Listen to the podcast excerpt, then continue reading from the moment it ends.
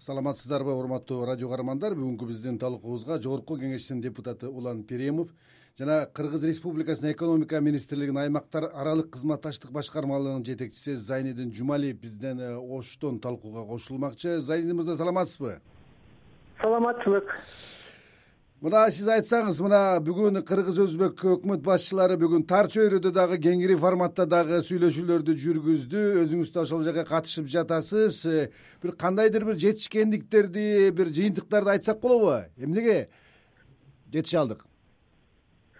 Эми албетте мына эки эки өлкөнүн ортосундагы э, биздин азыркы э, соода жагынан дейбизби экономика жагынанбы башка иш чаралар боюнча абдан чоң бир э, жумуштарды азыр ишке ашырып жатабыз.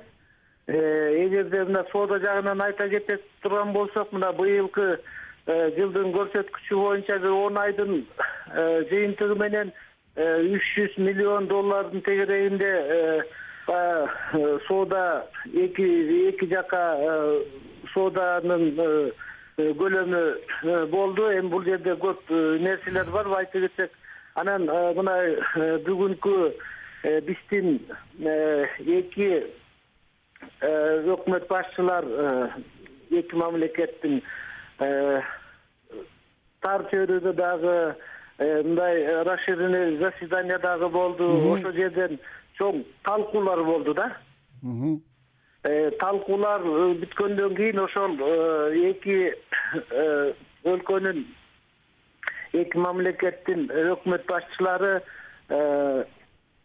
протоколго кол коюлду. Бул жерде бир жыйырма бешке жакын пункттан турган протокол болду. Андан тышкары жол картасы болду. Бул бир отуз беш иш чаранын тегерегинде ушундай бир чоң жетишкендиктер э, болду деп айтсак болот. Зайди мырза мына сиз айтып атасыз жанагы отуздан ашык депчи маселелер депчи кайсы бирин бир бөлүп көрсөтө аласызбы? Бир бүгүнкү жетишилген макулдашуулардычы кайсы бир маселелерди эми бул жерде э, ошо чек ара маселеси дагы бар мисалы үчүн.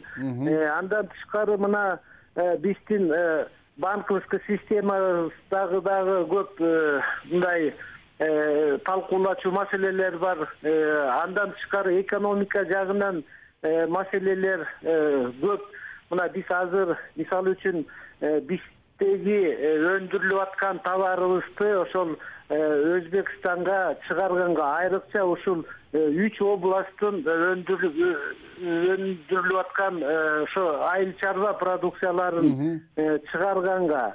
Ошондой эле биздин баягы промышленный э, курулуш материалдарын э, чыгарганга э, эми биз эле тарап эмес биз өзбекстан тарабынан дагы бизге керектүү ошо товарларды ал жактан алып келгенге ошондой нерсеге көңүл абдан бурулуп атат. Андан тышкары мына чек ара маселеси ошонун эле жана таможенный э, контроль боюнча э, ошолорго зеленый коридор берүү боюнча ушулардын баарын тең э, баягы упрощенный вариант деп койсок болот да. Ошондой негизде чыгарганга дагы ошо жакшы жетишкендиктер болду да сүйлөшүүлөрдүн э, зайнидин мырза биз менен дагы байланышта болсоңуз сизге да суроолорубуз болот буюрса улан мырза мына акыркы жылдары э, өзбекстан менен кыргызстандын ортосунда мамиле жакшырып биздин президенттери э, расмий визиттер менен алмашып бир топ макулдашууларга жетишилди эле Э, бир топ чек араларыбыз ачылып элибизге дагы бир жакшы жагдай түзүлдү дегенбиз да. Ушул э, акыркы эки жылда биз тараптанбы. Эмне жакшы нерсе боло алды? Өкмөт э, биз болжолдогон нерселерге жетише алдыкпы?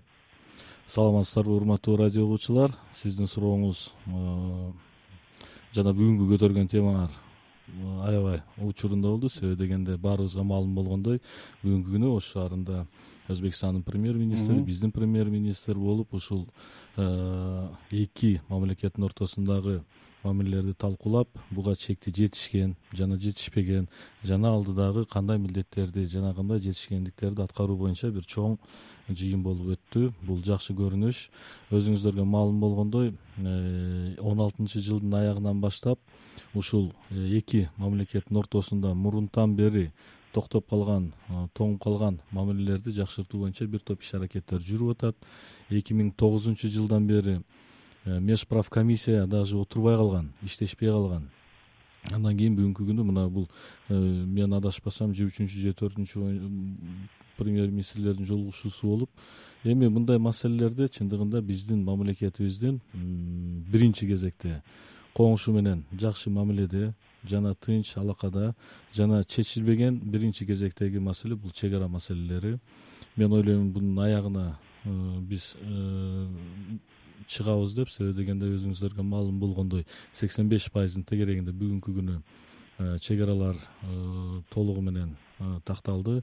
Ошол эле учурда калган он беш пайызын дагы мен ойлоймун биздин мамлекетибиздин кызыкчылыгын биринчи кезекте коюп андан кийин бир жетишкендиктер болот. Эгер экинчи экономикалык жакты ала турган болсок экономикалык жакты ала турган болсок чындыгында биринчи кезекте биздин э, соода алакабыз мына жогоруда айтып өткөндөй экономиканын өкүлчүлүгү эгерде мурун элүү миллион жүз миллионго жетпеген соода алакасы болсо бүгүнкү күнү мына он бир айдын жыйынтыгы менен үч жүз миллион деп атат. Бул дагы биздин экономикабызга бир чоң салым кошот андан кийин э, биз ошол эле учурда инвестициялык климатты инвестицияларды тартып ушул э, өзбекстандын бүгүнкү кубат кубаттуу экономикасын туура пайдаланып алардын э, жетишкендиктерин биз өзүбүзгө алып өзүбүздүн жетишкендиктерди алар менен бөлүшүп эгерде алака түзүп мындан ары дагы иштешсек мен ойлоймун бизге бир гана оң таасирин тийгизет. Бирок ошол эле учурда биз өзүбүздүн кызыкчылыктарыбызды дагы унутпашыбыз керек. Буну айтканымдын себеби э, өзбекстан э, тарапта бизге баарыбызга маалым болгондой э, мөмө жемиш он беш жыйырма күн биздикине караганда эрте бышат жана быйыл биздин дыйкандарыбыз бул жаатта аз маз кыйналышты. Себеби дегенде өзбекстан тараптан ушул аталган мөмө жемиштер келип арзан келип жана эрте келип жана биз аркылуу керек болсо евразэстин өлкөлөрүнө дагы чыгып биздин дыйкандар бир топ быйыл кыйынчылыктарга дагы дуушар болду. Анда эмне өкмөт биздин дыйкандардын кызыкчылыгын коргой алган жок дейсизби анда мен коргой алган жок дей албаймын. Бирок э, тиешелүү деңгээлде өз учурунда чараларды көрүп биринчи кезекте биздин дыйкандардын кызыкчылыгын биздин экономикабыздын кызыкчылыгын коргогонго Э, тиешелүү деңгээлде э, чара көрүлгөн жок десек ошондо туура болот. Э, зайнине мырза мына жогорудагы депутат мырзанын айткан сөзүн улагым келип атат да мына эки өкмөт мамлекет башчылары дагы ошо чектеш облустарынын аймактарында чек араларга жакын жерлерде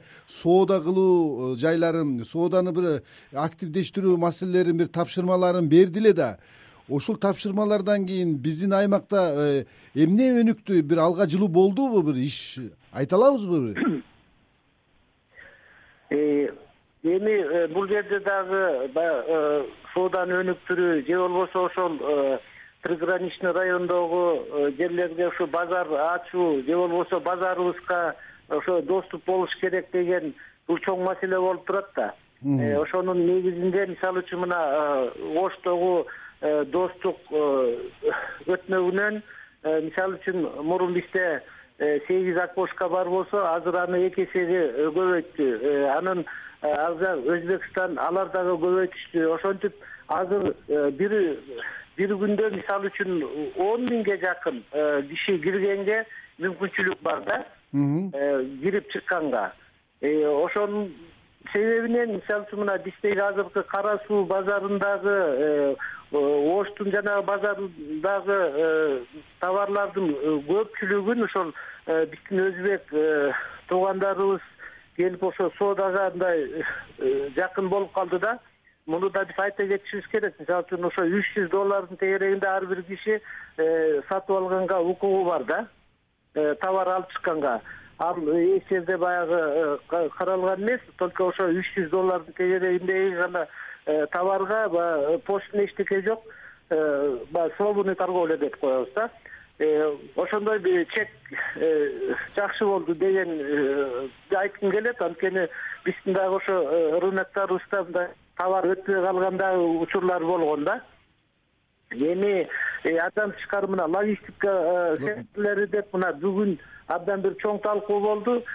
Биз азыр айтып атабыз мына кыргызстандан өзбекстандан келген товарды биз ошол үчүнчү өлкөгө жөнөткөнгө дагы ошо бир жайларды ошо совместный бир түзөлү деген келишимге да келдик да. Эми азыр ошонун үстүнөн эми министерство сельского хозяйствога биздин ошол инвестицияны коргоо агентствосуна тапшырмалар берилди. Мына ал эми бир саат мурун эле коюлду колу.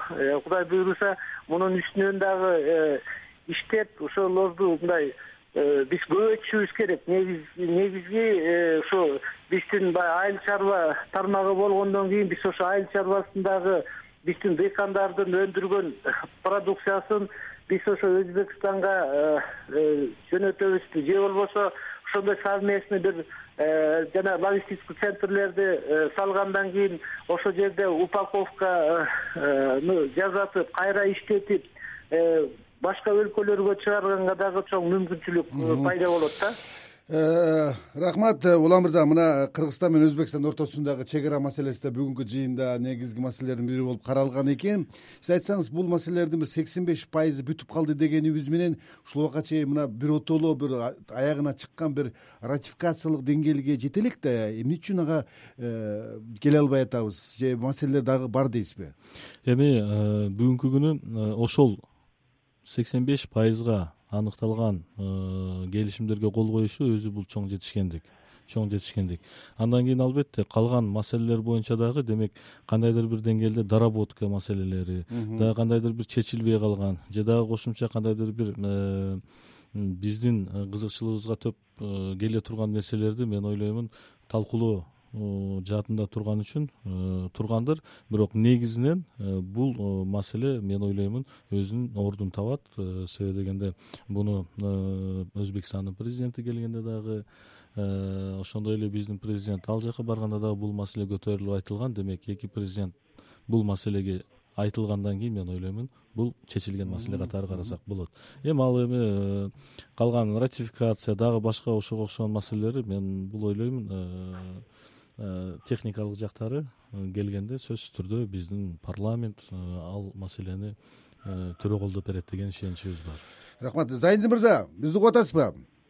Угуп атам Э, мына мурунку жолугушууларда жыйындарда айтылды эле макулдашуулардачы өзбекстан э, кыргызстандын аймагына бир нече ири ишканаларды биргелешкен бир э, компанияларды ачуу ниетин билдирип керек болсо бир машина куруу жаатында да бир чоң долбоорду сунуштаган эле да.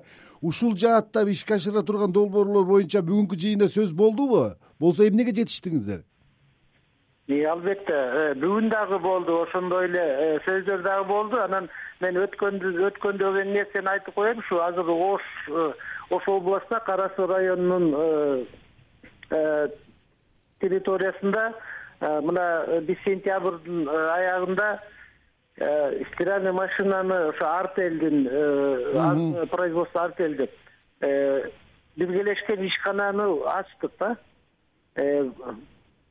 андан тышкары жанагындай пластиковый Э, окна двери деп э, ал дагы ошо өзбекстандан э, элүү процент ошо кыргызстандыкы болуп ал дагы ошондой завод ачылды.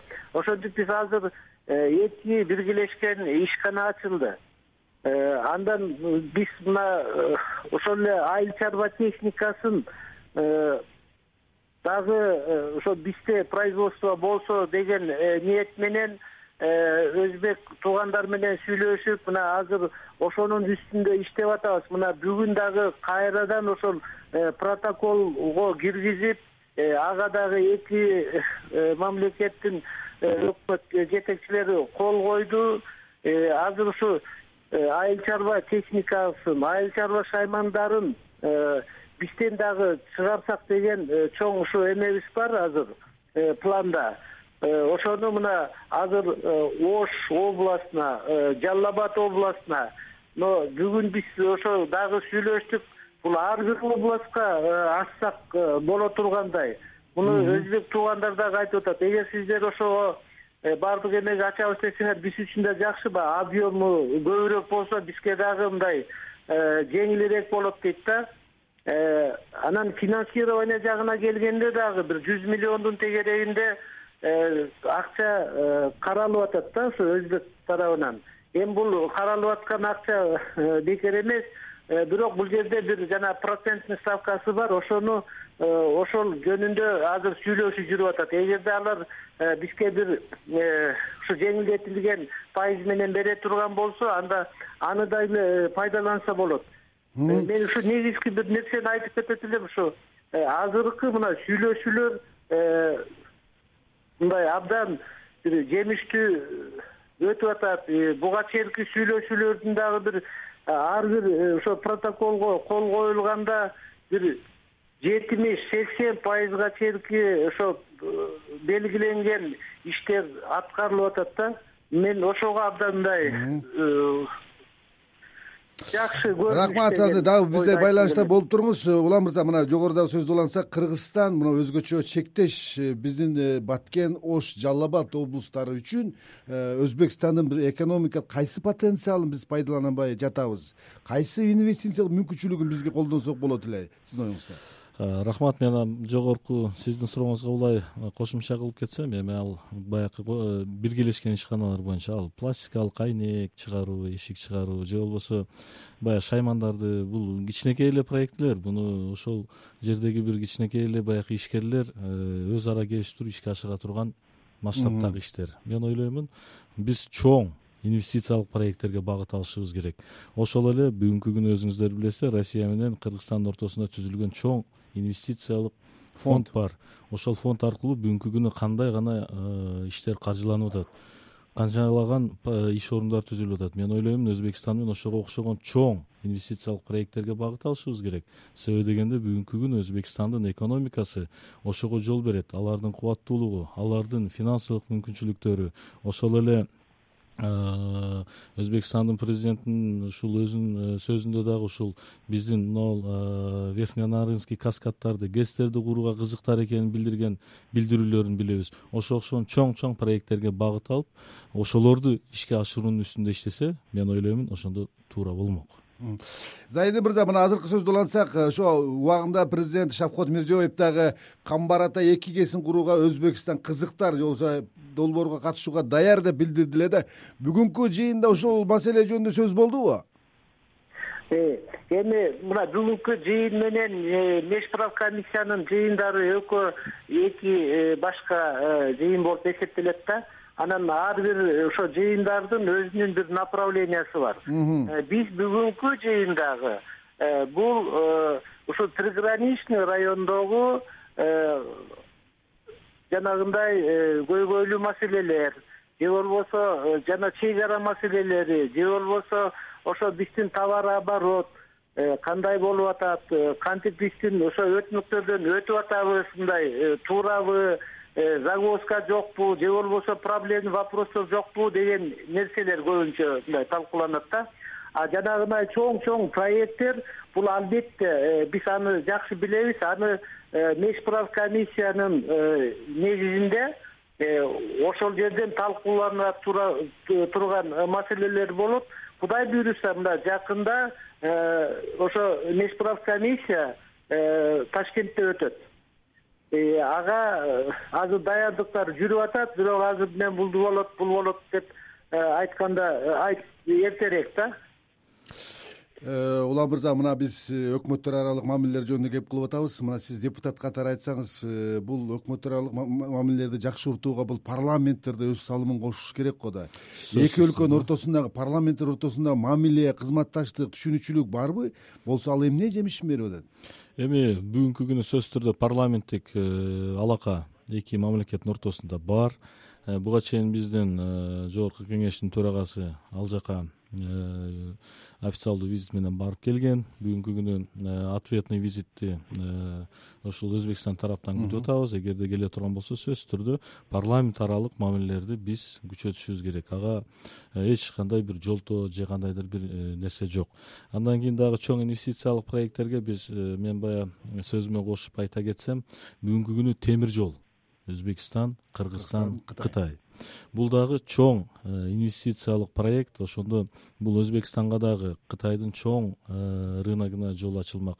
Биз дагы географиялык тупиктен дагы чыгып биз дагы ошол кытай аркылуу нары э, чоң чоң портторго жолубуз ачылмак да мен ойлоймун биздин өкмөтүбүз ушул жаатта дагы өзүнүн күч аракетин жумшаш керек. Мен ойлоймун ушуга окшогон чоң проекттерге багыт алып ошонун үстүнөн иштесек биздин экономикабызга жалпы эле э, ошол эле орто азияда өзбекстан менен кыргызстандын алакасында экономикалык соода жүгүртүүдө жалпы эле бир мындай э, экономикалык туруктуулукка бир жакшы өбөлгө болмок. Зайди мырза мына бүгүнкү сөзүбүздү жыйынтыктасак э, кыргызстан өзбекстан менен ортосундагы бир ишенимдүү же болбосо келечектүү кызматташтууну өнүктүрүү максатында э, аракеттерди бир арттыруу максатында э, кыргыз өкмөтү сиздердин министрлик дагы кандай бир аракеттерди кандай бир саясаттарды жасайт?